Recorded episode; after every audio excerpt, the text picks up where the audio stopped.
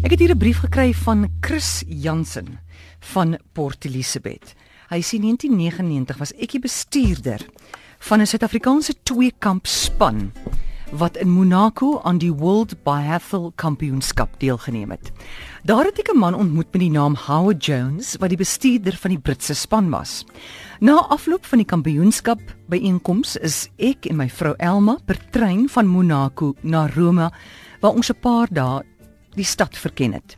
Na ons kuier in Rome is ons per trein terug via Monaco na Nice van waar ons terug na Suid-Afrika en Parys gevlieg het. Op pad na Monaco moes ons oorklim op 'n ander trein. Op die roete moes ons vir 'n uur of wat 'n kompartement met twee dames deel. Toe vra die vroue vir ons watter taal praat ek en Elma met mekaar. Afrikaans antwoord ek. Hulle vra toe van waar in Suid-Afrika ons kom en ek antwoord toe Port Elizabeth. En ewe skielik toon die een vrou sommer baie belangstelling. Sy vertel sy het 'n tante wat na Suid-Afrika geëmigreer het en met 'n Suid-Afrikaanse man getrou het. Hulle het in Port Elizabeth gebly.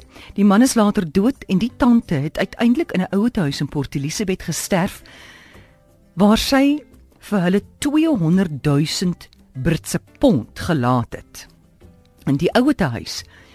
Die vrou maak toe die opmerking sy is toe so spyt dat sy nie vir haar tante ooit in Port Elizabeth kom kuier het nie, want dan kon sy miskien iets geërf het. In 2000, 'n jaar daarna, het Suid-Afrika die World Biathlon Kampioenskap in Port Elizabeth aangebied. Die bestuurder van die Engelse span was weer Howard Jones wat ek die vorige jaar in Monaco ontmoet het. Hy en sy vrou bly in Manchester. Na afloop van die byeenkoms het ons gehou het en sy vrou en nog twee Britte na ons huis, huis genooi vir 'n lekker boerebraai. Hy vertel toe dat hy beplan om die volgende dag 'n ouete huis in Port Elizabeth te gaan besoek waar sy oorlede tante haar laaste jare deurgebring het. En so waar sê hy sy 200 000 Britse pond aan die ouete huis bemaak. En hy is nogal net so. Plaas ek haar besoek het voor haar dood dan kon ek miskien iets geërf het skerts hy Chris sê ek het onmiddellik gedink aan die twee vroue op die trein tussen Rome en Nice en verhou het vertel dat ek dieselfde storie gehoor het by 'n vrou op 'n trein tussen Rome en Monaco na afloop van ons byeenkoms die vorige jaar.